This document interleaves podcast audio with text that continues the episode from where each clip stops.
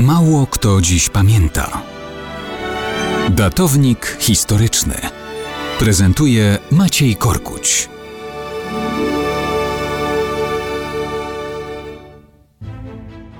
Mało kto dziś pamięta, że 15 marca 1931 roku z połączenia PSL Piast, PSL Wyzwolenie i Stronnictwa Chłopskiego powstało Stronnictwo Ludowe. W ten sposób zjednoczony ruch ludowy zyskał jednolitą reprezentację w niepodległej Rzeczypospolitej.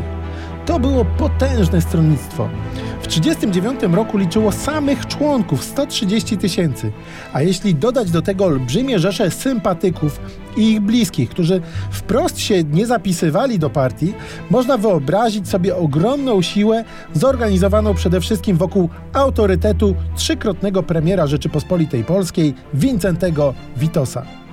Zbyt mało doceniamy zasługi ruchu ludowego dla niepodległości. Olbrzymia praca, jaką wkładali ludowcy od schyłku XIX wieku w wychowanie polskiego chłopa jako świadomego syna ojczyzny, rozumiejącego, że nie tylko własny interes, ale także los narodowej wspólnoty jest integralną częścią jego życia i tożsamości, przyniosły owoce m.in. w 1920 roku. Wtedy to masowy zaciąg do wojska chłopów ochotników walnie przyczynił się do zatrzymania najazdu bolszewickiego i rozbicia moskiewskich zagonów nad Wisłą i Niemnem. To właśnie rocznica 1920 roku celebrowana była jako święto czynu chłopskiego w okresie międzywojennym. W latach 30. stronnictwo było w opozycji wobec rządzących. W latach wojny stanęło do walki o niepodległość, tworząc bataliony chłopskie i współtworząc struktury polskiego państwa podziemnego. Ileż to razy musiałem ostatnio samorządom i dziennikarzom tłumaczyć, że bataliony chłopskie to struktura niepodległościowa, która po scaleniu z Armią Krajową stała się jednym z fundamentów podziemnej armii.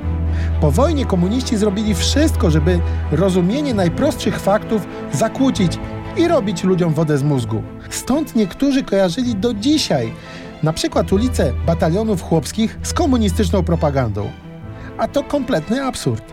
PSL Mikołajczyka był kontynuacją Stronnictwa Ludowego sprzed wojny. Szarpali się z komunistami o niepodległość tak długo jak mogli.